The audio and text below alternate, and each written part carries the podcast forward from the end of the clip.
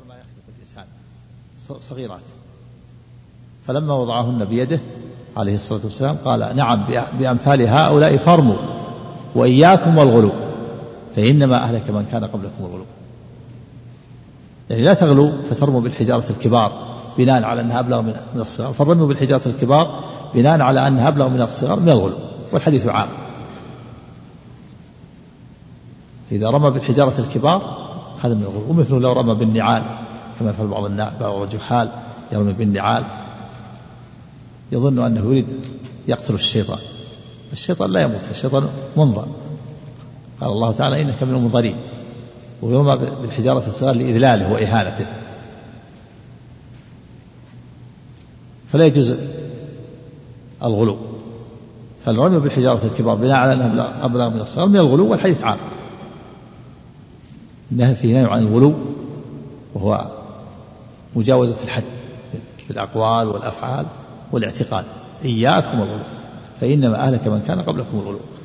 تحذير إياه للتحذير. بين النبي صلى الله عليه وسلم أن هلاك الأولين إنما هو بسبب الغلو.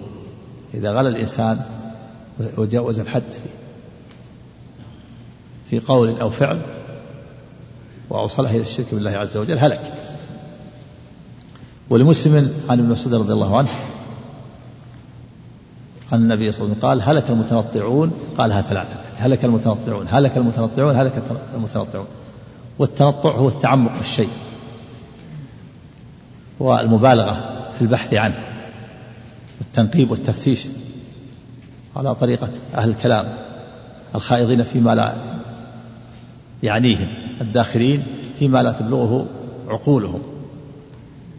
ومن التنطع أيضا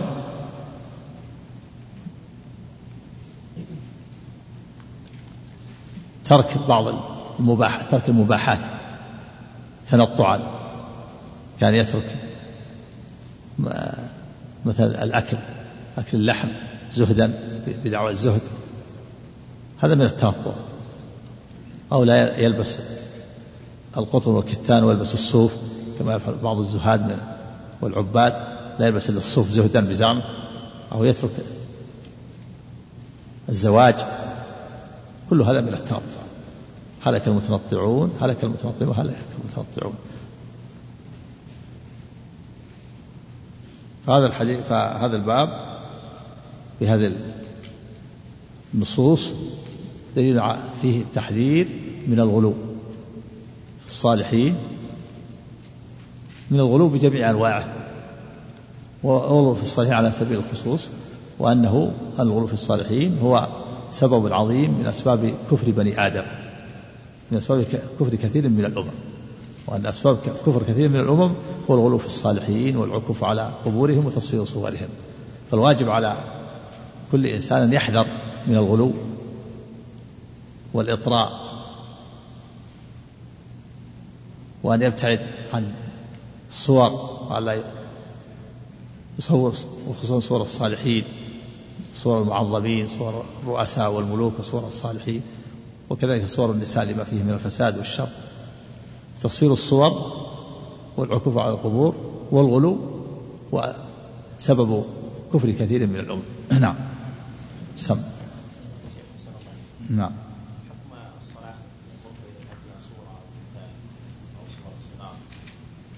يزيلها يزيلها لا, لا تكون أمامه. الصلاة صحيحة.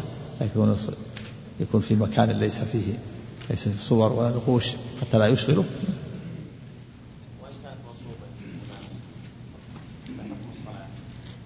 لا لا لا, لا ينبغي أن يزيلها لأن هذا يشبه في مشابهة للعباد ما يجعل الصورة أمامه. نعم.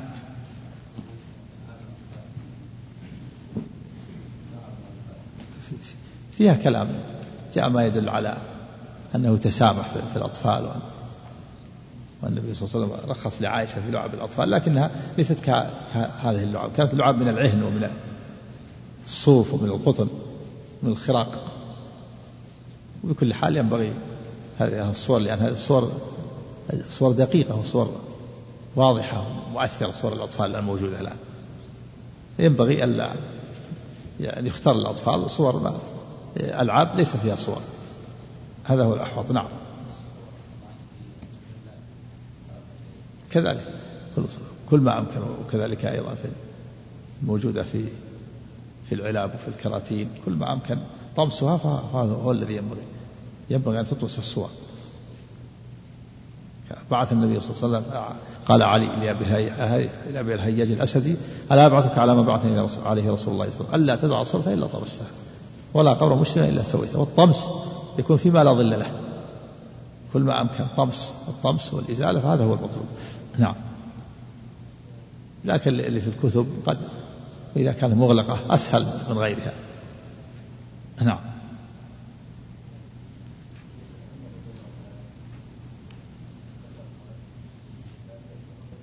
نعم. البخاري نعم. البخاري أو مسلم. نعم البخاري نعم. البخاري. ها؟ أصله. وين أصله؟ ذكر. ها؟ نعم. معروف. نعم أخرجه البخاري. قال اسم قال أخرج البخاري في الصحيح وأصله عند مسلم في الصحيح رقم. وأخرجه الترمذي في الشمائل والنسائي في السنن الكبرى كتاب الرجم. كما في تحفة الأشراف وأحمد في المسند والداري. هكذا أصله في مسلم ما ذكر الأصل. ها؟ الحديث. يراجع. إذا كان الأصل يعني يكون كلام المؤلف رحمه الله. يكون يوجه على هذا. نعم. سم. إيه. لا. لا الصلي في الكتب ما ما ما فيه شيء يدل عليها. لكن لعب الأطفال هي جاء فيه العهن واللعاب اللي كان لعائشة لكن ليست من جنس الصور الموجودة الآن. نعم.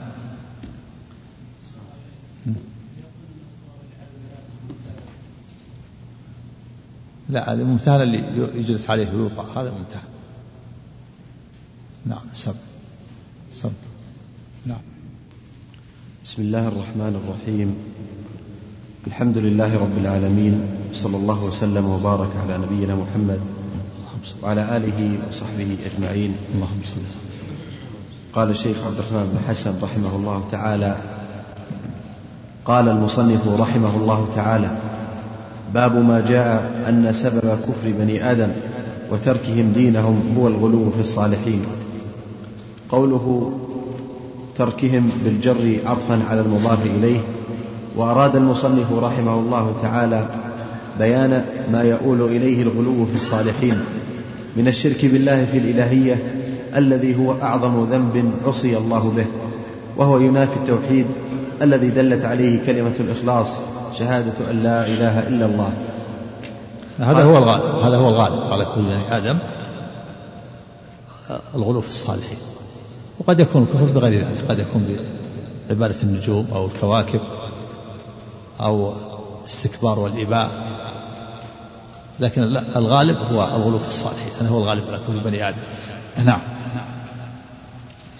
الغلو في العكوف على قبورهم وتصوير صورهم هذا هو هو سبب الغالب الكثير سبب كفر الكثير من الناس من الأمم. نعم.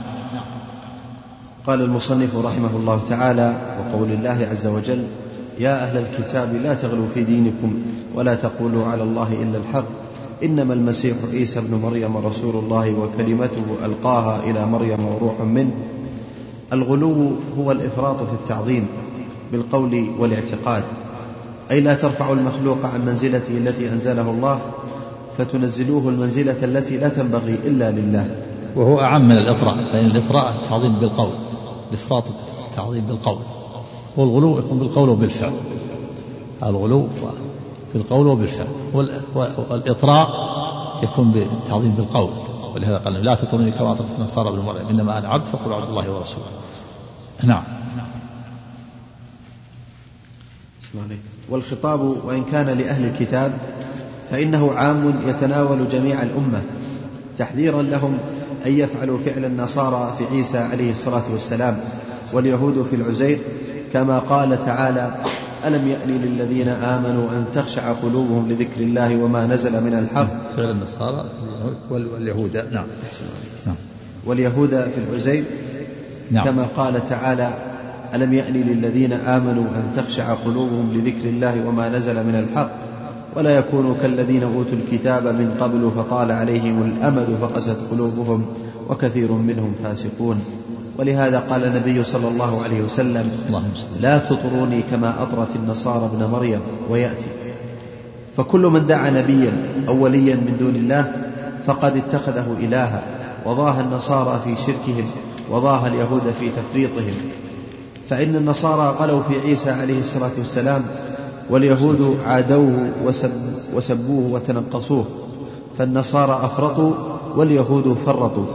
وقد قال تعالى ما المسيح ابن مريم إلا رسول قد خلت من قبله الرسل وأمه صديقة كانا يأكلان الطعام. نعم فصل الله بين بينهم وبين منزلة عيسى وأنه ليس بإله ولا بابن الله تعالى كما يقول النصارى وليس بابن بغي. اليهود والعياذ بالله جفوا حتى قالوا إنه ابن زنا وابن بغي نعوذ بالله. والنصارى غلوا وقالوا إنه ابن الله وإنه إله مع الله نعم. الله فهؤلاء كفروا وهؤلاء كفروا. بين الله فصل بينه بين منزلته أنه عبد الله ورسوله عليه الصلاة والسلام. نعم. ففي هذه الآية وأمثالها الرد على اليهود والنصارى. قال شيخ الإسلام رحمه الله ومن تشبه من هذه الأمة باليهود والنصارى وغلا في الدين بإفراط فيه أو تفريط فقد شابههم. قال وعلي رضي الله عنه حرق الغالية من الرافضة فأمر بأخاديد خدت لهم عند باب كندة فقذفهم فيها واتفق الصحابة على قتلهم. لكن ابن عباس مذهبه أن يقتل بالسيف من غير تحريق وهو قول أكثر العلماء. وهو الصواب. الصواب أنهم يقتلون بغير تحريق لأن النبي نهى عن التعذيب بالنار قال لا يعذب بالنار إلا رب النار. وعلي رضي الله عنه مع أنه لم يبلغ النص وأنه تأول رحمه بشدة حنقه وغيظه عليهم كما أن الصديق وخالد بن الوليد حرق جماعة من أهل الردة بالنار. ولهذا قال ابن عباس هل كنت مكانه لقتلتهم بالسيف. لأن النبي صلى الله عليه وسلم قال لا يعذب بالنار إلا رب النار. نعم. وذلك أنهم غلوا فيه وقالوا أنت الرب. غلوا في علي. فحرق خد الأخاديد يعني حفر وأضرمه بالنار وألقاهم فيها. ويقال أنهم زادوا أنهم قالوا هذا دليل على أنه الرب والعياذ بالله. وهو يلقيهم في النار يسجدون له. أعوذ بالله. نسأل الله العافية. نعم. محمد الفقه يقول باب كندة باب من أبواب الكوفة. والغلاة المحرقون وهم عبد الله بن سبأ اليهودي وأتباعه. المحرقون المحرقون وهم عبد الله بن سبأ اليهودي وأتباعه. قالوا إن عليا إلههم فنهاهم فلم ينتهوا فحرقهم. وإنما أراد ابن سبأ بذلك إحداث فتنة وخلق شيع وفتح ثغرة في صفوف المسلمين. وقد حدث ما أراد هذا اليهودي الملعون ووجد في الناس كثير من كثير ووجد في الناس كثير من أطاعه وأله عليا وأبناءه. وكف وكفر بالله ورسوله وعاد عليا والمؤمنين ولا حول ولا قوة إلا بالله. نعم كنت في الكوفة لكن هل حرق عبد الله بن سبع أو فر؟ في نظر. الظاهر أنه فر. أقل من فر. إيه، ما هنا يقول أنه حرق الظاهر أنه ما ما, ما قبض عليه. فر الخبيث نعم. يهودي. نعم. لا الخوارج ضد الشيعة يتضادان. الخوارج الذين خرجوا على علي وقاتلوه والشيعة الذين ألهوه وعبدوه تضادان. الخوارج كفروا عليه قالوا أنت كفرت حكمت الرجال في مسألة التحكيم أقر بكفر وكفروا وقاتلوه وقاتلهم. والشيعة اللي عبدوه وألهوه وقالوا أنت الإله. فرق بين هؤلاء. نعم قال. لا اللي حرق غلوا فيه. أولئك قاتلهم الخوارج. قتال حرب. قتال نعم. قال المصنف رحمه الله تعالى في الصحيح عن ابن عباس رضي الله تعالى عنهما في قول الله تعالى وقالوا لا تذرن آلهتكم ولا تذرن ودا ولا سواعا ولا يغوث ويعوق ونسرا. قال هذه أسماء رجال صالحين من قوم نوح. فلما هلكوا أوحى الشيطان إلى قومهم أن ينصبوا إلى مجالسهم التي كانوا يجلسون فيها أنصابا. وسموها بأسمائهم ففعلوا ولم تعبد حتى إذا هلك أولئك ونسي العلم ونسي العلم عبدت. قوله في الصحيح أي صحيح البخاري وهذا الأثر اختصره المصنف رحمه الله. ولفظ ما في البخاري عن ابن عباس صارت الأوثان التي في قوم نوح في العرب بعد أما ود أما ود فكانت لكلب. أما ود. أحسن أما ود فكانت لكلب بدومة الجندل. وأما سواع فكانت لهذيل وأما يغوث فكانت لمراد ثم لبني غطيف بالجر عند سبع الجرف. أحسن عليك. الجرف عند الجرف. نعم. ثم لبني غطيف بالجرف عند سبع وأما يعوق فكانت لهمدان وأما نسر فكانت لحمير لآل ذي الكلاع أسماء لآل ذي الكلاع. فكانت لحمير لآل ذي الكلاع أسماء رجال صالحين في قوم نوح إلى آخره. وروي عن عكرمة والضحاك وابن إسحاق نحو هذا. وقال ابن جرير حدثنا ابن حميد قال حدثنا مهران عن سفيان عن موسى عن محمد بن قيس أن يغوث ويعوق ونسرا كانت كانوا قوما صالحين من بني آدم وكان لهم أتباع يقتدون بهم. فلما ماتوا قال أصحابهم لو صورناهم كان أشوق لنا إلى العبادة فصوروهم. فلما ماتوا وجاء آخرون دب إليهم إبليس فقال إنما كانوا يعبدونهم وبهم يسقون المطر فعبدوهم. قوله أن انصبوا هو بكسر الصاد المهملة.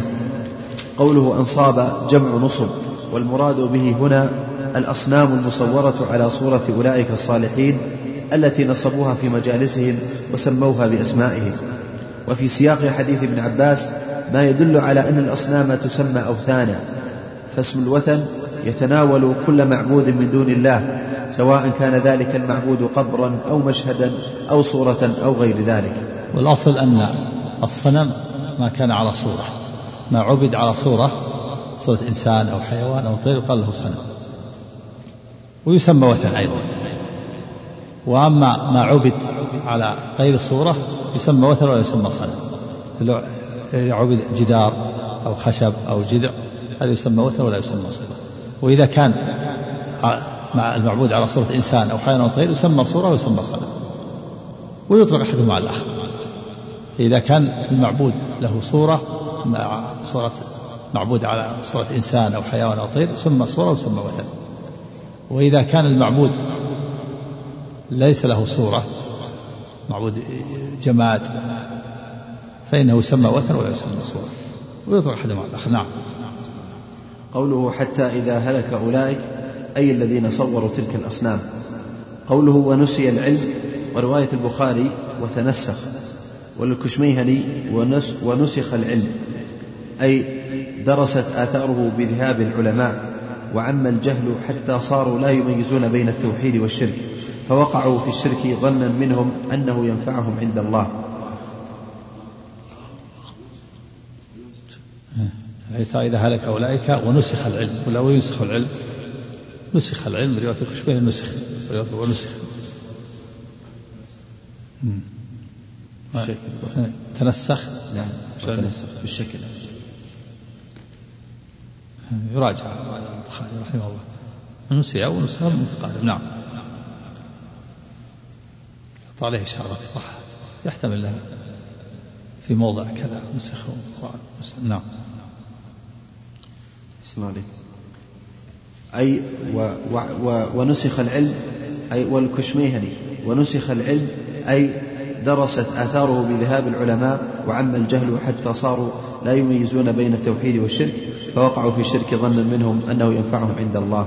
قوله عبدت لما قال لهم إبليس إن من كان قبلكم كانوا يعبدونهم وبهم يسقون المطر فهو الذي زين لهم عبادة الأصنام وأمرهم بها فصار هو معبودهم في الحقيقة كما قال تعالى ألم أعهد إليكم يا بني آدم ألا تعبدوا الشيطان إنه لكم عدو مبين وأن اعبدوني هذا صراط مستقيم ولقد أضل منكم جبلا كثيرا أفلم تكونوا تعقلون. نعم المعبود هذا الأصنام ولكن الشيطان هو الذي أمرهم بذلك فكان هو المعبود في الحقيقة. كانت عبادتهم للشيطان لأنه هو الذي أمرهم بعبادة الأوثان. نعم. صاروا عابدين له. نعم. وهذا يفيد الحذر من الغلو ووسائل الشرك وإن كان القصد بها حسنا. فإن الشيطان أدخل أولئك في الشرك من باب الغلو في الصالحين والإفراط في محبتهم كما قد وقع مثل ذلك في هذه الأمة. أظهر لهم البدع والغلو في قالب تعظيم الصالحين ومحبتهم ليوقعهم فيما هو أعظم من ذلك من عبادتهم لهم من دون الله. وفي رواية أنهم قالوا ما عظم أولنا هؤلاء إلا وهم يرجون شفاعتهم عند الله. أي يرجون شفاعة أولئك الصالحين الذين صوروا تلك الأصنام على صورهم وسموها بأسمائهم. تلك الأصنام. الذين صوروا تلك الأصنام على صورهم وسموها بأسمائهم. ومن هنا يعلم أن اتخاذ الشفعاء ورجاء شفاعتهم بطلبها منهم شرك بالله كما تقدم بيانه في الآيات المحكمات. قال المصنف رحمه الله تعالى وقال ابن القيم رحمه الله قال غير واحد من السلف لما ماتوا عكفوا على قبورهم ثم صوروا تماثيلهم ثم طال عليهم الأمد فعبدوهم. اتخاذ الشفعاء يعني كان يعبد صنم وثن يزعم أنه شفيع له عند الله وأنه ينقل حوائج الله أو يعبد إنسان. أو حيوان أو جماد يتخذه بزعمه شفيعا هذا شرك. نعم. قوله وقال ابن القيم هو العلامة هو الإمام العلامة محمد بن أبي بكر بن أيوب الزراعي الدمشقي المعروف بابن قيم الجوزية. قال الحافظ السخاوي الجوزية مدرسة. كان أبوه قيما عليها. فنسب إليه. قيما على هذه المدرسة الجوزية. فصار قيما عليها. ويقال ابن القيم ويقال ابن القيم الجوزية. ولا يقال ابن القيم الجوزية ما يقال لأن ال عوض عن الجوزية ابن القيم العوض. فإذا حذفت ال تأتي بالجوزية وإذا حذفت الجوزية تأتي بأل. ما تقول ابن القيم ولا تقول ابن القيم الجوزية. ابن قي... ابن القيم الجوزية أو ابن القيم. لا نعم. قال الحافظ السخاوي العلامة الحجة المتقدم في سعة العلم ومعرفة الخلاف وقوة الجنان. جنان. قوة الجنان يعني القلب. أما الجنان بالكسر جمع جنة. نعم. وقوة الجنان المجمع عليه بين الموافق والمخالف صاحب التصانيف السائرة والمحاسن الجمة. مات سنة إحدى وخمسين وسبعمائة. رحمه الله. رحمه الله. قوله قال غير واحد من السلف هو بمعنى ما ذكره البخاري وابن جرير إلا أنه ذكر عكوفهم على قبورهم قبل تصويرهم تماثيلهم. وذلك من وسائل الشرك. قول قوله قوله قال غير واحد من السلف. هو بمعنى ما ذكره البخاري وابن جرير. نعم. إلا أنه ذكر عكوفهم على قبورهم قبل تصويرهم تماثيلهم. وذلك من وسائل الشرك. بل هو شرك لأن العكوف لله في المساجد عبادة. فإذا عكفوا على القبور صار عكوفهم تعظيما ومحبة عبادة لها. نعم إذا عكف على القبور ينوي التقرب التقرب إليهم صار شركا. وإن عكف على القبور ينوي التقرب إلى الله بزعمه صار بدعة وسيلة في الشرك. إذا نوى العكوف عكف على قبورهم يظن أن هذا يقربه إلى الله يتعبد به لله صار بدعة ووسيلة الشرك. أما إذا عكف على قبورهم بالنية لهم لهم بالتقرب لهم صار شركا نعم. العكوف يعني إطالة نعم طول المكث نعم. قوله ثم طال عليهم الأمد فعبدوهم أي طال عليهم الزمان وسبب تلك العبادة والموصل إليها هو ما جرى من الأولين من التعظيم في العكوف على قبورهم ونصب صورهم في مجالسهم. فصارت بذلك أوثانا تعبد من دون الله كما ترجم به المصنف رحمه الله. فإنهم تركوها بذلك دين فإنهم تركوا بذلك دين الإسلام الذي كان أولئك عليه قبل حدوث وسائل هذا الشرك. فكفروا بعبادة تلك الصور واتخاذهم شفعاء وهذا أول شرك حدث في الأرض. قال القرطبي رحمه الله وفي قوم أول شرك حدث في الأرض هو العكوف على القبور ونصف الصور. ثم سببوا هذا العكوف على القبور ونصف الصور ثم عبدوهم من دون الله. نعم. قال القرطبي رحمه الله وإنما صوروا وإنما صور أوائلهم الصور ليتأسوا بها ويتذكروا أفعالهم الصالحة فيجتهدوا كاجتهادهم ويعبدوا الله عند قبورهم. ثم خلفهم قوم جهلوا مرادهم ووسوس لهم الشيطان أن أسلافهم كانوا يعبدون هذه الصور ويعظمونها. انتهى. فصار تصويرهم وسيلة. الأوائل الأولون صوروها لأجل يتذكروا عبادتهم ويتشوقوا إليها. فجاء أحفادهم فأوحى إليهم الشيطان أن يعبدوهم وأن آباءهم كانوا يعبدون فعبدوهم فصار تصويرهم الصور وسيلة للشرك. فلا يجوز. نعم. نعم. لا شك. هذا ممنوع. نعم. قال ابن القيم رحمه الله وما زال الشيطان يوحي إلى عباد القبور ويلقي إليهم أن البناء والعكوف عليها من محبة أهل القبور من الأنبياء والصالحين وأن الدعاء عندها مستجاب ثم ينقلهم من هذه المرتبة إلى الدعاء به والإقسام على الله به فإن شأن الله أعظم من أن يقسم عليه أو يسأل بأحد من خلقه.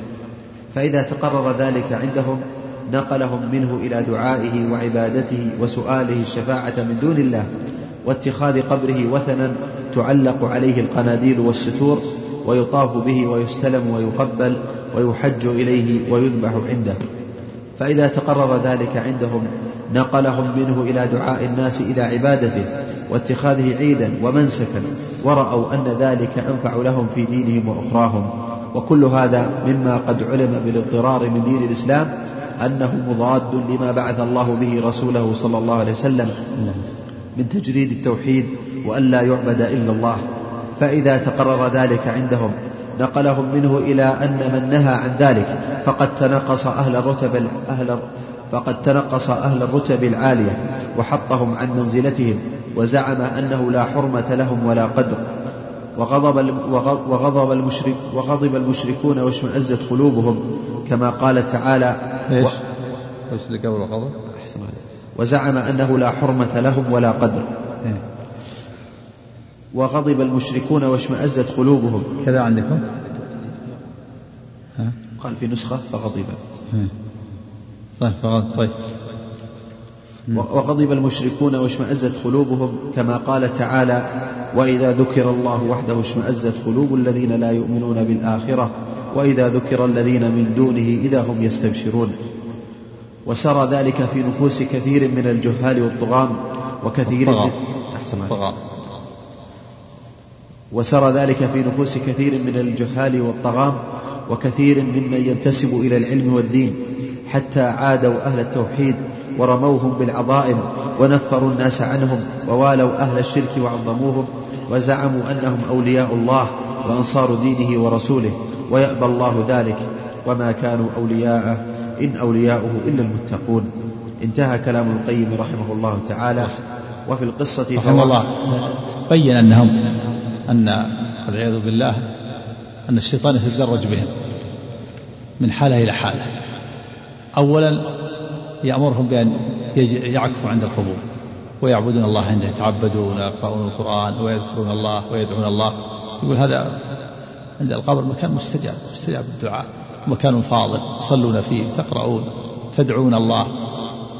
فإذا استمروا هذا الشيء نقلهم إلى أنهم يدعون الله يدعون الله بهم يتوسلون بهم. يا الله أسألك بفلان أسألك توسل به وسيلة فإذا استمروا هذا نقلهم إلى حالة ثالثة وهو أنه يدعون الميت نفسه. يقول يا فلان أغثني أغثني كذا. وأعوذ بالله. فإذا تقرر هذا عندهم نقلهم إلى حالة أخرى وهي دعوة الناس. دعوة الناس إلى عبادته الحمد لله. هذه حالة خامسة. يدعون يدعون الناس إلى أن يعبدونهم من دون الله. الأول مكتفين هم ثم فإذا استمروا هذا نقلهم إلى الحالة الثالثة. وهو أن من نهى عن الشرك صار متنقصا للصالحين. اللي ينهى ويقول لا تعبدونهم من دون الله لا تذبحون لهم لا تنذرون لهم قالوا هذا تنقص الصالحين. حطهم من ما يعرف قدر الصالحين يبغض الصالحين يبغض الأنبياء وهكذا. شوف كيف وصلت به الحال إلى وهذا سببه العكوف العكوف وإطالة المكث أوصلهم إلى هذه الحالات ست حالات. نسأل الله من حالة إلى حالة. ينقلهم من شر إلى شر حتى يصلهم إلى النهاية في الشر. نعم. بدعة. الدعاء عند القبر والصلاة وقراءة القرآن بدعة.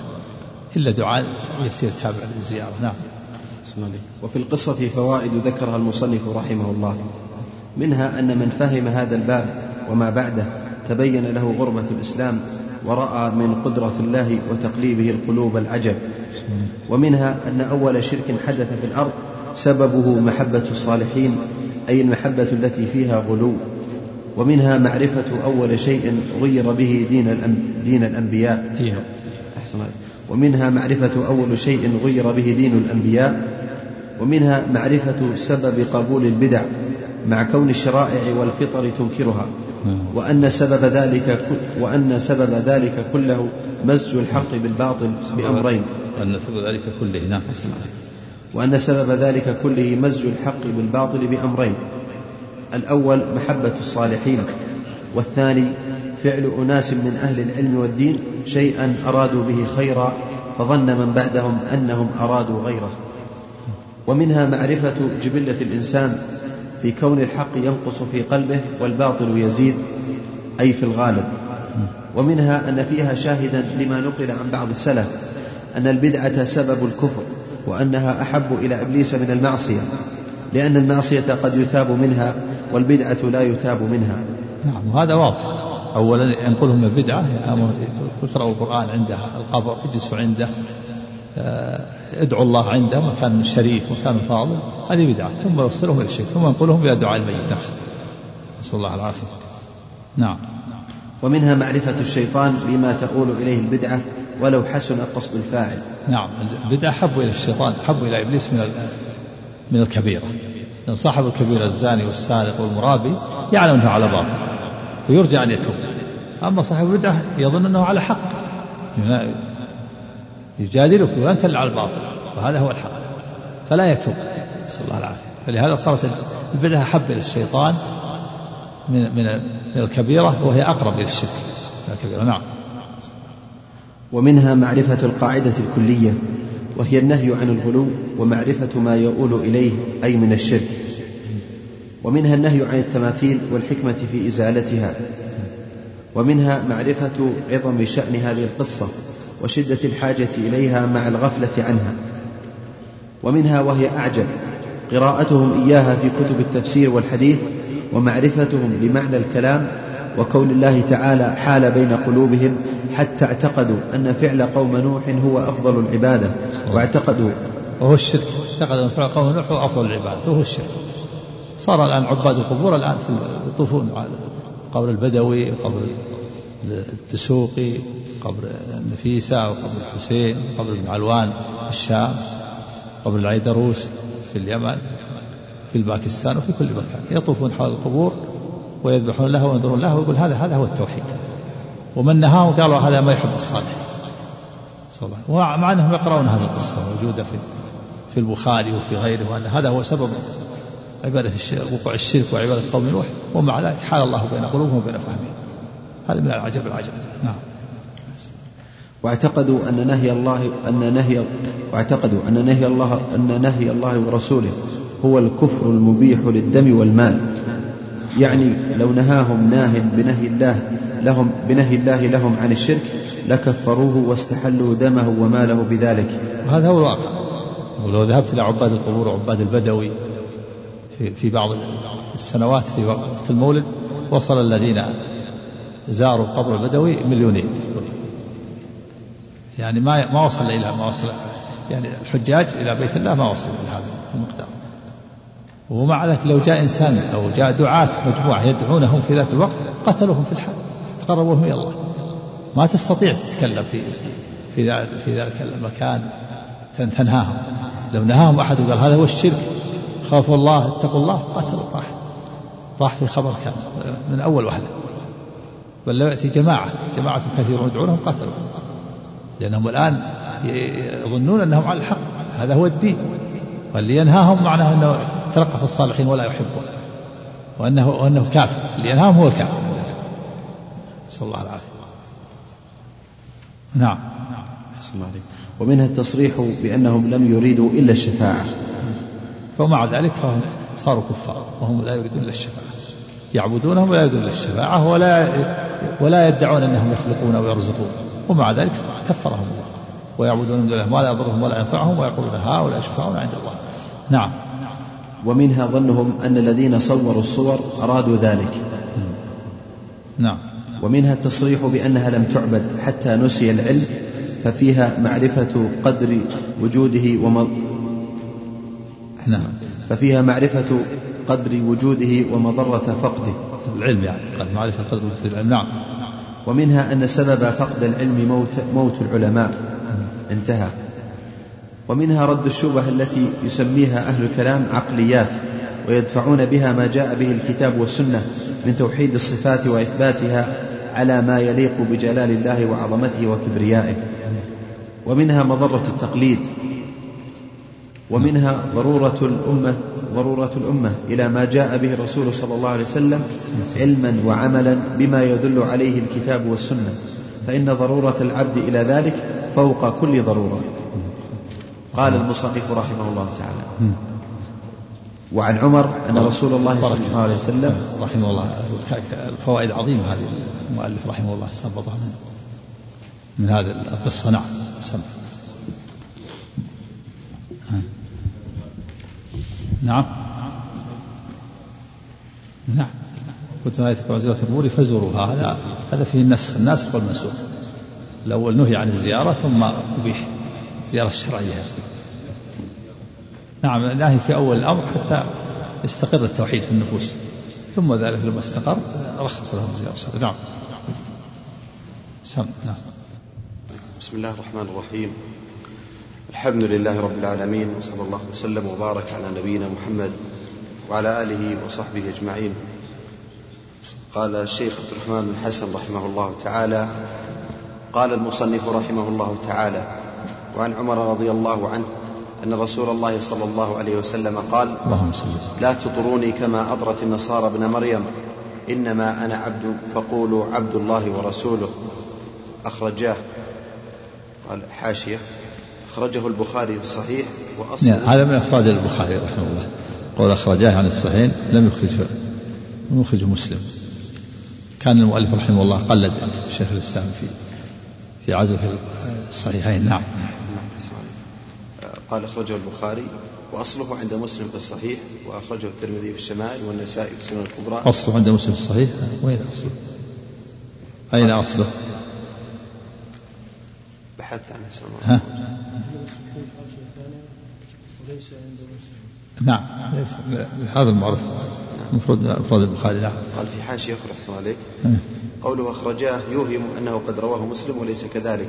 ولعل الشيخ محمد بن عبد الوهاب رحمه الله قد تبع في ذلك الخطيب التبريزي في المشكاة عندما قال بعد الحديث بأنه متفق عليه وقد فات فضيلة الشيخ الألباني رحمه الله في تعليقه على المشكاة التنبيه على أن مسلما لم يروي. من يقول هذا؟ هذا أحسن عليك محقق تحقيق التجريد في شرح كتاب التوحيد.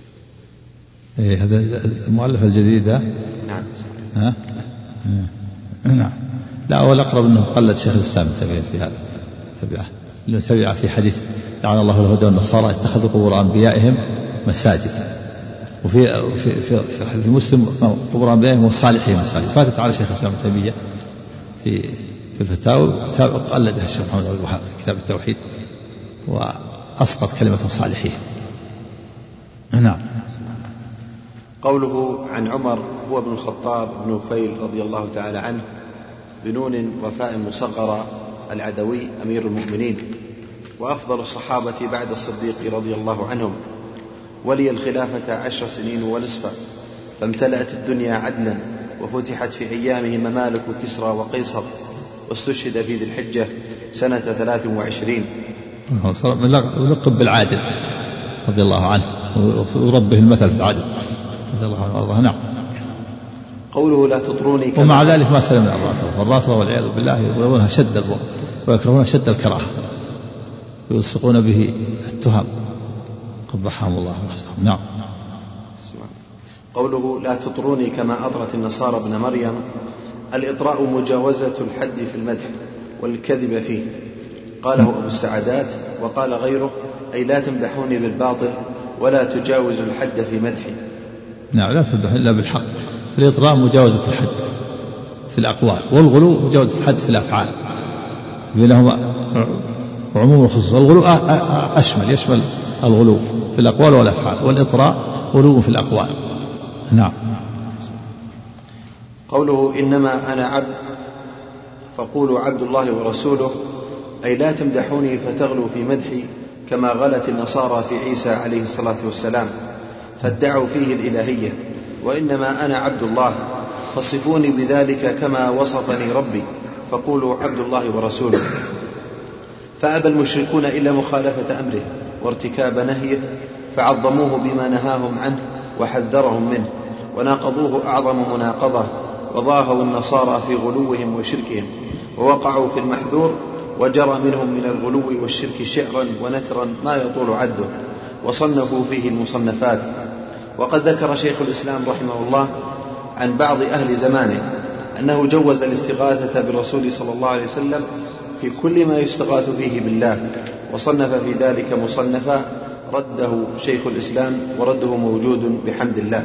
وهو ابن بكري رد عليه في كتاب الاستغاثة. نعم. قال في الحاشية طبع مختصرا منذ سنوات طويلة ويحققه الآن أحد طلاب جامعة الإمام محمد بن سعود.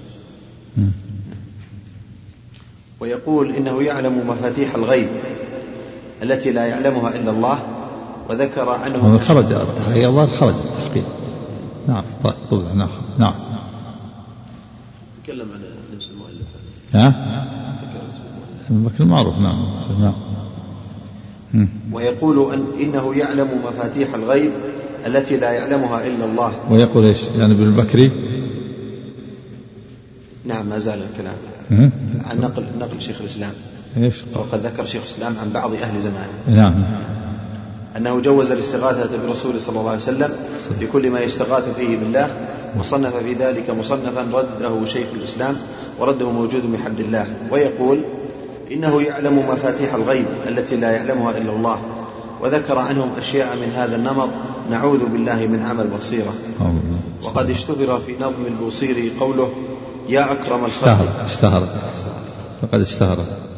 وقد اشتهر في نظم البوصيري قوله يا أكرم الخلق ما لي من ألوذ به سواك عند حلول الحادث العمم. العممي شكلها بالكسر الميم العمم. عم عم عم عم نعم. العممي نعم. نعم. وقد اشتهر في نظم البصيري قوله يا أكرم الخلق ما لي من ألوذ به سواك عند حلول الحادث العممي. وما بعده من الأبيات التي مضمونها إخلاص الدعاء واللياذ والرجاء والاعتماد. واللياذ. نعم. واللياذ والرجاء والاعتماد في أضيق الحالات وأعظم الاضطرار لغير الله. فناقضوا الرسول صلى الله عليه وسلم في ارتكاب ما نهى عنه أعظم مناقضة وشاقوا الله ورسوله أعظم مشاقة. وذلك أن الشيطان أظهر لهم هذا الشرك العظيم في قالب محبة النبي صلى الله عليه وسلم وتعظيمه. وأظهر لهم التوحيد والإخلاص الذي بعثه الله به في قالب تنقصه وهؤلاء المشركون هم المتنقصون الناقصون. أفرطوا في تعظيمهم بما نهاهم عنه أشد بما نهاهم عنه أشد النهي وفرطوا في متابعته فلم يعبأوا بأقواله وأفعاله ولا رضوا بحكمه ولا سلموا له. وإنما يحصل تعظيم الرسول صلى الله عليه وسلم بتعظيم أمره ونهيه والاهتداء بهديه واتباع سنته والدعوة إلى دينه الذي دعا إليه. هذا هو تعظيم عليه الصلاة تعظيمه عليه الصلاة والسلام بمتابعته. ومحبته والانقياد لشرعه وتعظيم أوامره ونواهيه. ليس بالغلو وصرف العبادة له. نعم. وإنما نعم. وإنما يحصل تعظيم الرسول صلى الله عليه وسلم بتعظيم أمره ونهيه والاهتداء بهديه واتباع سنته والدعوة إلى دينه الذي دعا إليه ونصرته وموالاة من عمل به ومعاداة من خالفه. فعكس أولئك المشركون ما أراده الله ورسوله علما وعملا وارتكبوا ما نهى ما نهى الله عنه ورسوله فالله المستعان.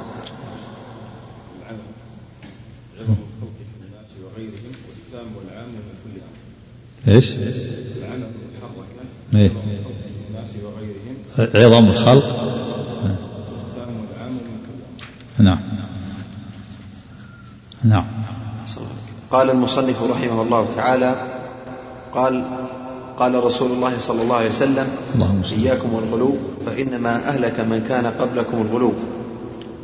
هذا الحديث ذكره المصنف بدون ذكر راويه وقد رواه الإمام أحمد والترمذي وابن ماجه من حديث ابن عباس رضي الله عنهما. قال أحسن عليك في بعض النسخ ولمسلم عن ابن عباس. قال في الحاشية في تجريد في تحقيق التجريد. قال قوله ولمسلم عن ابن عباس رضي الله عنهما في كل النسخ وليس في المؤلفات. وبإسقاط كلمة لمسلم يكون السياق مستقيما ويوافق الصواب إذ لم يروي مسلم هذا الحديث كما ترى. إيش؟ في في بعض النسخ ولمسلم إيش؟ نعم. ولمسلم عن ابن عباس رضي الله عنهما. في المتن هذا؟ نعم في بعض النسخ حطها في المتن؟ نعم إيه، لا هذا كيف أثبتها وهي ما هي مثبته معروف عدم اثباتها نعم إيش يقول إيه؟ ولمسلم عن ابن عباس رضي الله عنهما تعليق نعم التعليق على هذا قال إيه. في كل نسخ وليس في المؤلفات وبإسقاط كلمة لمسلم كيف نسخ وليس في كل المؤلفات؟ إيش معنى هذا؟ يعني قوله ولمسلم عن ابن عباس رضي إيه؟ الله عنهما في النسخ إيش؟ النسخ الخطية يعني؟ نعم لعل. قال في كل النسخ وليس في المؤلفات المؤلفات وضعها بين كشيدتين يحتاج إلى تأمل يعني أتى بشيء لم يأتي به هذه المطبوعات مطبوعة على النسخ على نسخ خطية في بع- بعضها فيها ولمسلم عن ابن عباس. ها؟ بعضها حسن عليه فيها في المتن ولمسلم عن ابن عباس. ما أدري والله معروف بالإسقاط. نعم. طيب نعم. كمل كمل. قال اترك وفي هذا. إسقاط كلمة مسلم يكون السياق مستقيما نعم. ويوافق الصواب. نعم. إذ لم يروي مسلم الحديث كما ترى ولعله قد سبق نظر نظر الناسخ الأول أو الشارح رحمه الله إلى كلمة المسلم الآتية في الحديث بعد. نعم. حديث ابن نعم. مسعود. معروف نعم نعم عزو الحديث للترمذي النهج السديد عزو الحديث للترمذي وهذا مم. ما ما عزه لمن؟ إيه. الترمذي ومن معه؟ مم. طيب قال ولم أره في الجامع قال نعم نعم. نعم. حق الفريان قال ولم أره في الجامع وأخرجه النسائي في المجتمع. طيب نعم. في المجتمع نعم. نعم. قال وهذا لفظ أحمد عن ابن عباس رضي الله عنهما. قال قال لي رسول الله صلى الله عليه وسلم غدا في الجمع هلم القط لي الحق. قال هلم القط لي فلقطت له حصيات هن حصى الخذ. فلما وضعهن في يده قال نعم بأمثال هؤلاء. وإياكم والغلو في الدين فإنما هلك من كان قبلكم بالغلو في الدين. نعم وغدا في جمع يعني صباح يوم العيد جمع اسمه المزدلفة يسمى جمع لاجتماع الناس فيها لما انصرفوا من مزدلفة قال النبي صلى الله عليه وسلم لعباس هلم القط لي حصيات؟ قال فلقدت له حصيات هن حد الخلف هن حصى الخلف بمقدار ما. يعني أكبر من الحمص قليلا. فلما وضعهن بيده قال نعم بأمثال هؤلاء فرموا وإياكم والغلو فإنما أهلك من كان قبلكم الغلو. فالرمي بالحجارة الكبار بناء على أنه أبلغ من الصغار من الغلو. والحديث عام. مثل الرمي بالنعال. نعم. قال شيخ الإسلام رحمه الله هذا عام في جميع أنواع الغلو في الاعتقادات والأعمال.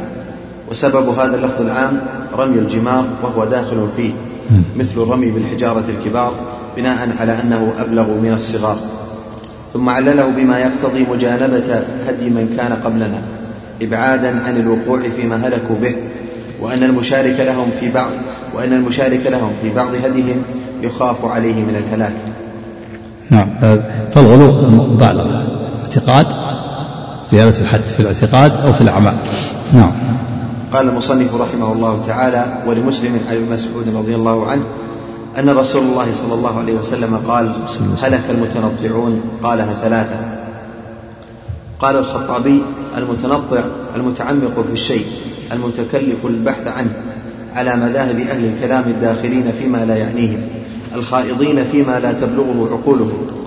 ومن التنطع الامتناع من المباح مطلقا كالذي يمتنع من أكل اللحم والخبز ومن لبس الكتان والقطن ولا يلبس إلا الصوف ويمتنع من نكاح النساء.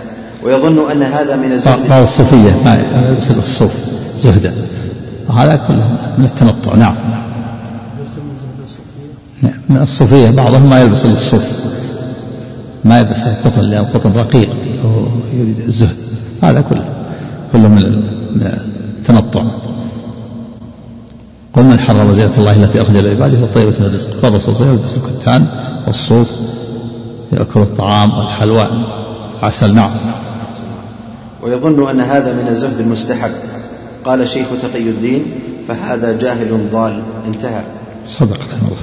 نعم. وقال ابن القيم رحمه الله. والغالب أنها تكون الصوفية نعم. نعم. وقال ابن القيم رحمه الله قال الغزالي والمتنطعون في البحث والاستقصاء. وقال أبو السعدات هم المتعمقون الغالون في الكلام المتكلمون بأقاصي حلوقهم مأخوذ من النطع وهو الغار أعلى من الفم ثم استعمل في كل متعمق قولا وفعلا. وقال النووي فيه كراهة التقعر في الكلام بالتشدق وتكلف الفصاحة. قال من؟ وقال النووي فيه كراهة التقعر في الكلام بالتشدق وتكلف الفصاحة واستعمال وحشي اللغة.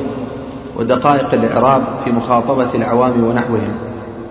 قوله قالها ثلاثة. من الحديث إن الله يرضي الرجل البريق الذي يتخلل لسانه كما تتخلل البقرة بلسانها. نعم.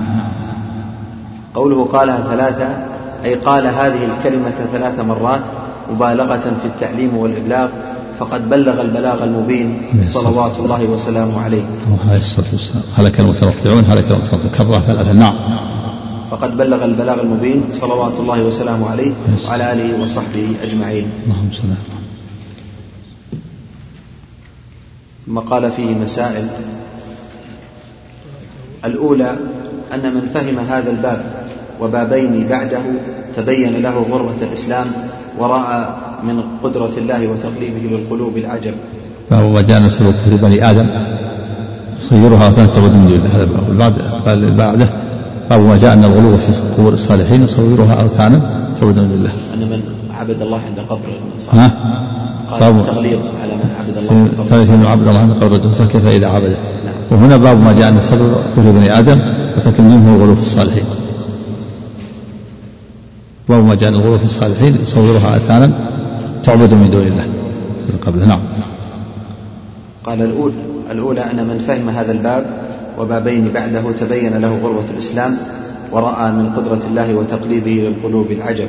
سبحانه وتعالى نعم له الحكمة نعم الثانية معرفة أول شرك حدث في الأرض أنه بشبهة الصالحين. نعم تصوير صورهم والعكوف على قبورهم. نعم. الثالثة أول شيء غير به دين الأنبياء أو غير به غير. غير به دين الأنبياء وما سبب ذلك مع معرفة أن الله أرسلهم نعم والصور تصوير صورهم سببه أنه صوره حتى يتذكروا عبادتهم ثم عكفوا على قبورهم ثم طلع عليهم ولد فعبدوهم فالصور والعكف على القبور هي سبب أكثر سبب كفر أكثر الخلق. نعم. الرابعة قبول البدع مع كون الشرائع وقصد في الأول حسن قصد تذكر العبادة. نعم. الرابعة قبول فالواجب سد الذريعة. الواجب سد الذريعة ولو كان قصد من أرادها صالحا. نعم. نعم. نعم. أنه لا يجوز احتفاظ ما يجوز الاحتفاظ بها إلا الضرورة. نعم. الرابعة قبول البدع مع كون الشرائع والفطر تردها. لأن النفس تميل إلى الشر نعم. الخامسة أن سبب ذلك كله مزج الحق بالباطل فالأول محبة الصالحين والثاني فعل أناس من أهل الكتاب شيئا أرادوا به خيرا فظن من بعدهم أنهم أرادوا به غيره فعل أناس إيش؟ نعم. أعد أعد العبارة. نعم قال أن سبب ذلك كله مزج الحق بالباطل فالأول محبة الصالحين. نعم. والثاني فعل أناس من أهل العلم شيئا أرادوا به خيرا فظن من بعدهم أنهم أرادوا به غيره. مثل الذين صوروا فالناس من أهل العلم من الكتاب أضار يعني أرادوا صوروا صورهم حتى تشوقوا. لعبادتهم أرادوا خيرا لكنها صار وسيلة للشرك. نعم. السادسة تفسير الآية التي في سورة النور. قال لا تذرن آلهتكم ولا تذرن نعم. السابعة جبلة الآدمي بكون الحق ينقص في قلبه والباطل يزيد. نعم. الثامنة فيه شاهد لما نقل عن السلف أن البدعة سبب الكفر. نعم. وهي بريد الكفر. نعم.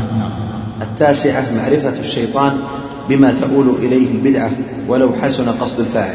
نعم. مما فعل قوم واحد.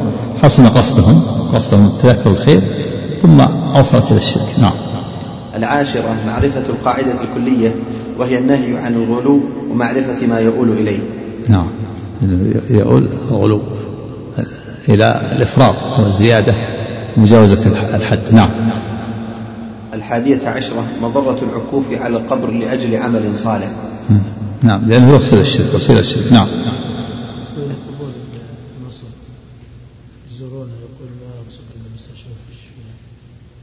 إذا إذا يدعو له في مكان إذا كان صادق. نعم نعم. الثانية عشرة معرفة النهي عن التماثيل والحكمة في إزالتها. نعم. لأنه وسيلة الشرك. فلا يجوز إبقاؤها نعم. الثالثة عشرة معرفة شأن هذه القصة وشدة الحاجة إليها مع الغفلة عنه. قصة قوم نوح حينما صوروا الصور وعكفوا على القبور. نعم. الرابعة حيث أوصافهم الشرك. نعم. الرابعة عشرة وهي أعجب وأعجب وهي أعجب وأعجب قراءتهم إياها في كتب التفسير والحديث ومعرفتهم ومعرفتهم بمعنى الكلام. وكون الله حال بينهم وبين الرابعة عشرة وهي أعجب. وهي أعجب. وهي أعجب وأعجب قراءتهم إياها في فهي أعجب. نعم. فهي أعجب. وأعجب. نعم. وهي أعجب وأعجب قراءتهم إياها طيب للتأكيد. نعم. نعم. قراءتهم. قراءتهم. نعم. وهي أعجب وأعجب قراءتهم إياها في كتب التفسير والحديث ومعرفتهم بمعنى الكلام وكون الله حال بينهم وبين قلوبهم حتى اعتقدوا أن فعل قوم نوح أفضل العبادات واعتقدوا أن ما نهى الله ورسوله عنه فهو الكفر المبيح للدم والمال. نعم هو اللي يفعل الآن في قبار عباد البدوي وابن العربي وابن علوان هو ما فعله قوم نوح وهم يقرؤون. قصة قوم نوح. يقرؤون قال لا تذرن آلهتكم يقرؤون تفسيره ومع ذلك يفعلون مثل فعله هذا من العجب. نعم نسأل الله العافية نعم. الخامسة عشرة التصريح بأنهم لم يريدوا إلا الشفاعة. ومع ذلك كفر. دعاهم دعا الصالحين دعا المقبولين. وأراد الشفاعة كفر. ويعبدون من دونه هذا دين المشركين. ويعبدون من دونه ما لا يضرهم ولا ينفعهم ويقولون هؤلاء يشفعون عند الله. إذا قال عباد القبور اليوم نقصد الشفاعة نقول هذا أبو جهل ما يقصد الشفاعة وأبو لهب نعم. السادسة عشرة ظنهم أن العلماء الذين صوروا الصور أرادوا ذلك. نعم. ظنوا أنهم أرادوا أنهم يستسقون بهم ويستشفعون بهم. وهم أرادوا التذكر تذكر العبادة. نعم.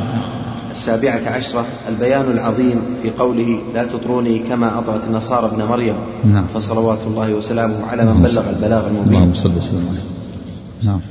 الثامنة عشرة نصيحته إيانا بهلاك المتنطعين. هلاك المتنطعين. نعم. عليه الصلاة والسلام. نعم خلوا كامل نعم. التاسعة عشرة التصريح بأنها لم تعبد حتى نسي العلم. ففيها بيان قدر فيها بيان معرفة قدر وجوده ومضرة فقده. نعم. لا شك أن العلم نور. إذا فقد العلم العلماء هلك الناس. لأنهم صاروا صاروا على جهل ما يجدون من يعلمهم ولا من يبين لهم الحق. نعم.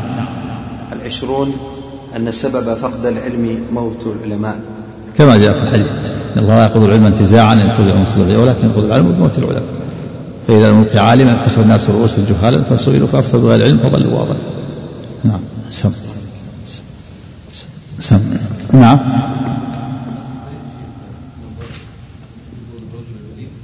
إيه الذي يتخلوا بلسانه يتخلوا البقرة بلسانه ينظر في سند الحديث. نعم.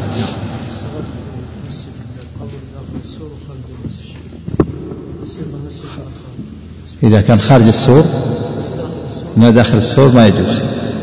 داخل الحديث عن الله والهدى والنصارى اتخذوا قبور أنبيائهم مساجد نعم. نعم. نعم سم. نعم سم. بسم الله الرحمن الرحيم. الحمد لله رب العالمين. صلى الله وسلم وبارك على نبينا محمد وعلى آله وصحبه أجمعين. قال شيخ الإسلام الإمام محمد بن عبد الوهاب رحمه الله تعالى باب ما جاء في التغليظ في من عبد الله عند قبر رجل صالح فكيف إذا عبده؟ قال وفي الصحيح عن عائشة رضي الله تعالى عنها أن أم سلمة رضي الله تعالى عنها ذكرت لرسول الله صلى الله عليه وسلم كنيسة رأتها بالحبشة. والصور وذكر والصور التي وما فيها. من الصور. وما فيها من الصور.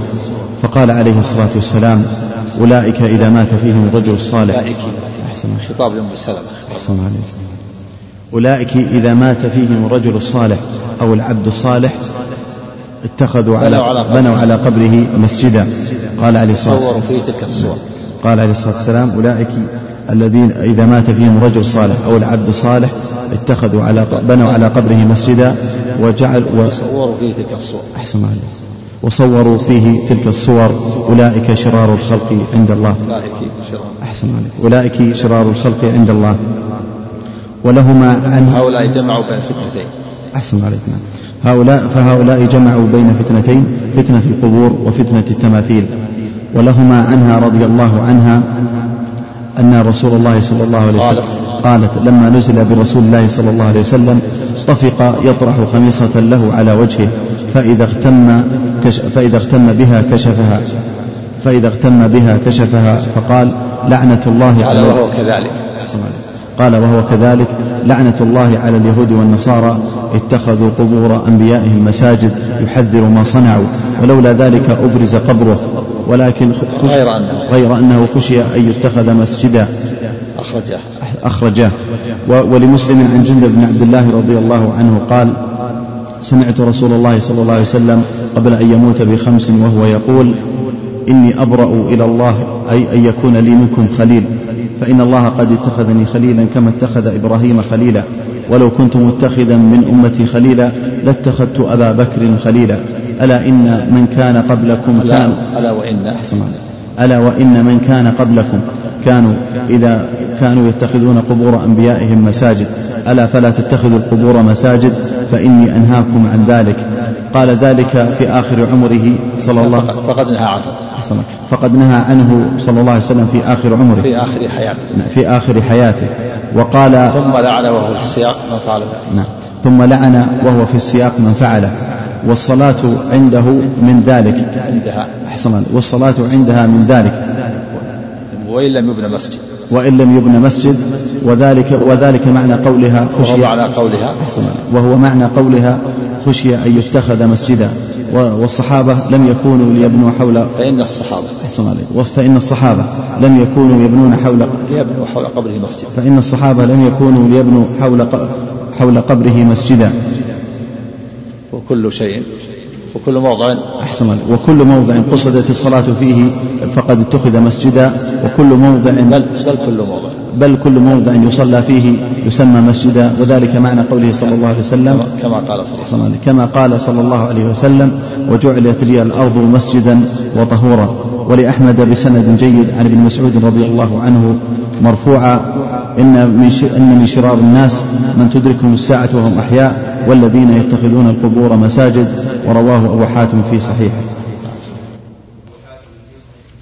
بسم الله الرحمن الرحيم الحمد لله رب العالمين وصلى الله وسلم على نبينا محمد وعلى اله وصحبه اجمعين اما بعد قال المؤلف الامام الشيخ محمد بن عبد الوهاب رحمه الله تعالى في كتاب التوحيد باب ما جاء من التغيير في من عبد الله عند قبر رجل صالح وكيف اذا عبده المعنى انه اذا كان الذي يعبد الله عند قبر رجل صالح يغلظ عليه ويلعن ويقرن بمن بمن تقوم عليهم الساعة ويشدد عليه ويغلظ عليه.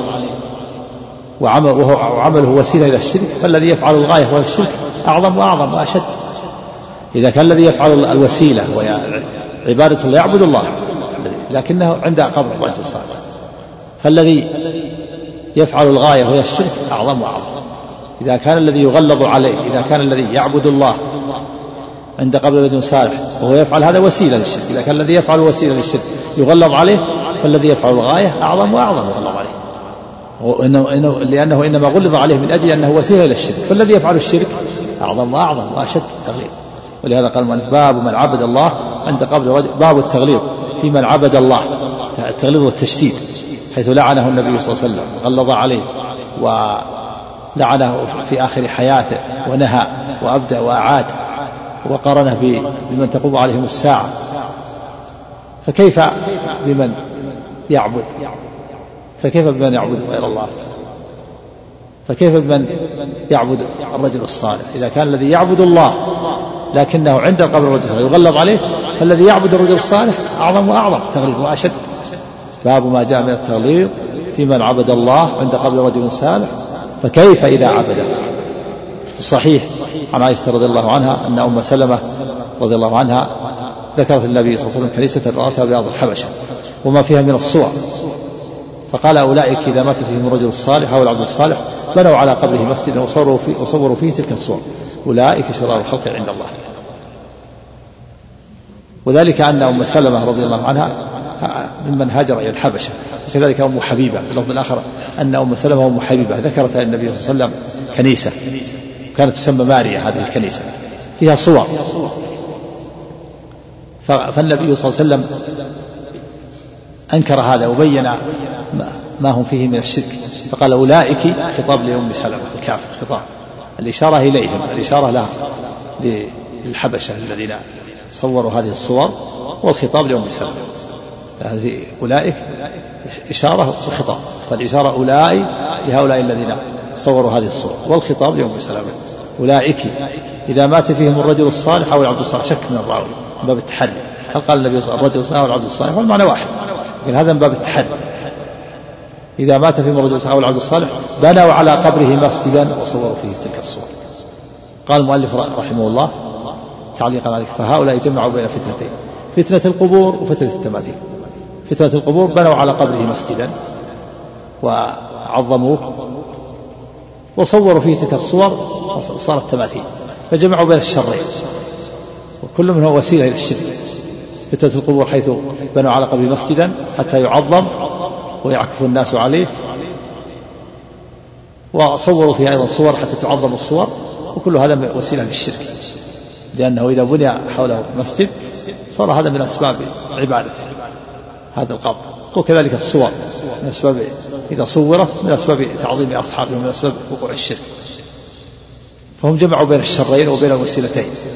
ولهذا قال المصنف فهؤلاء جمعوا بين فتنتين فتنة القبور حيث بنوا على قبر المسجد وفتنة التماثيل حيث صوروا في تلك الصور. أولئك شرار الخلق عند الله. فهم شرار الخلق عند الله. هذا من تغليظ النبي صلى الله عليه وسلم على على هؤلاء. بين بين أنهم من شرار الخلق ولعنهم وقارنهم بمن تقوم عليهم الساعة وهم إنما فعلوا الوسيلة. فالذي يفعل الغاية أعظم وأعظم. إذا كان الذي يفعل الوسيله يلعن ويغلظ عليه ويقرن ويوصف بأنهم شرار الخلق بأنهم شرار الخلق. ويقرن بمن تقوم عليهم الساعة لأنه فعل الوسيلة التي توصل إلى الشرك. فالذي يفعل الشرك الذي هو الغاية أعظم وأعظم. ولهذا قال النبي صلى الله عليه وسلم أولئك شرار الخلق عند الله. يقول المؤلف رحمه الله فهؤلاء جمعوا بين فتنة فتنتين فتنة القبور وفتنة التماثيل. ولهما يعني الشيخين البخاري ومسلم رحمه الله عنها يعني عائشة رضي الله عنها قالت لما نزل برسول الله صلى الله عليه وسلم يعني نزلت به علامة الموت وأسباب الموت طفق يطرح خميصة له على وجهه طفق يعني جعل من أفعال الشروع والخميصة كساء له أعلام قماش له أعلام طفق يطرح خميصة له على وجهه فإذا اغتم إذا اغتم بها كشف يعني إذا احتبس نفسه كشفها ثم يعيدها مرة أخرى فيضعها على وجهه. فإذا احتبس نفسه كشفها وأزالها ثم يعيدها فقال وهو في هذه الحالة في حالة الكشف و ووضع الخميصة لعنة الله على اليهود والنصارى. اتخذوا قبور أنبيائهم مساجد يعني في هذه الحالة العصيبة نزل به الموت وهو يطرح الخميصة ويرفعها. مرة يكشفها ومرة يضعها. شدة احتباس لاحتباس نفسه. في هذه الحالة قال لعنة الله على اليهود والنصارى. قالت عائشة يحذر ما صنعوا وإنما لعنهم في هذه الحالة في هذه العصيبة في هذه الحالة في قرب في وقت قرب أجله يحذر أمته يصنع مثل صنيعه. لعنة الله على اليهود والنصارى اتخذوا قبور أنبيائهم مساجد هذا خبر مراد به التحذير مراد به النهي. والمعنى احذروا أن تفعلوا مثل فعلهم وأن تصنعوا مثل صنيعهم فتصيبكم اللعنة كما أصابتهم لعنة الله على اليهود والنصارى اتخذوا قبور أنبيائهم مساجد. لأن اتخاذ القبور مساجد من أسباب الشرك من الأسباب القريبة لوقوع الشرك. لعنة الله على اليهود والنصارى اتخذوا قبور أنبيائهم مساجد قالت عائشة يحذر ما صنعوا. يعني إنما إنما لعنهم في هذه الحالة يحذر أمته أن تصنع مثل صنيعهم قالت ولولا ذلك أبرز قبره. لولا أنه خشي أن يتخذ قبره مسجدا لأبرز ودفن في العراء لكن خشي إذا اتخذ مسجدا فلذلك دفن أمر بأن يدفن في بيت عائشة. قالت ولولا ذلك أبرز قبره غير أنه خشي أن يتخذ مسجدا أخرجه. وهذا من اجتهاد عائشة رضي الله عنها. وجاء قد جاء قد جاء في الحديث أن أن كل نبي يدفن في المكان الذي يموت فيه. وعائشة رضي الله عنها ظنت أن أنه إنما دفن في في بيتها خشية أن يتخذ مسجدا وهو إنما دفن للحديث. أنه أن كل نبي يدفن في المكان الذي يموت فيه. فقد فقد ولمسلم عن جندب بن عبد الله رضي الله عنهما قال سمعت رسول الله صلى الله عليه وسلم يقول إني أبرأ إلى الله أن يكون لي منكم خليل. إن الله إن الله اتخذني خليلا كما اتخذ إبراهيم خليلا. ولو كنت متخذا من أمتي خليلا لاتخذت أبا بكر خليلا ألا وإن من كان قبلكم كانوا يتخذون قبور أنبيائهم مساجد ألا فلا تتخذوا قبور مساجد فإني أنهاكم عن ذلك. ولمسلم يعني رواه مسلم في صحيح عن بن عبد الله أن النبي صلى الله عليه وسلم قال إني أبرأ إلى الله أن يكون لي منكم خليل. أبرأ يعني أنكر وأنفي أن يكون لي منكم خليل. إني أبرأ إلى الله أن يكون منكم خليل. إن الله اتخذني خليلا كما اتخذ إبراهيم خليلا. والخليل هو المحبوب الذي بلغ الغاية في الحب.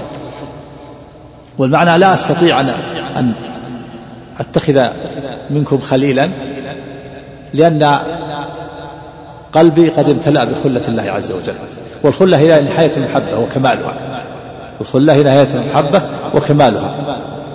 ولا يتسع القلب بأكثر من خليل واحد فالخلة هي المحبة التي تصل إلى سويداء القلب وتتخلل شغاف القلب. فهي نهاية المحبة وكمال. فالنبي صلى الله عليه وسلم لا يستطيع أن يتخذ من البشر خليلا.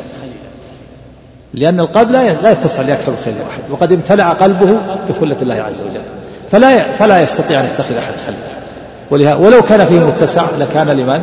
لأبي بكر الصديق لو كان لو كنت متخذا من أمتي خليلا لاتخذت أبا بكر خليلا يعني لو كان في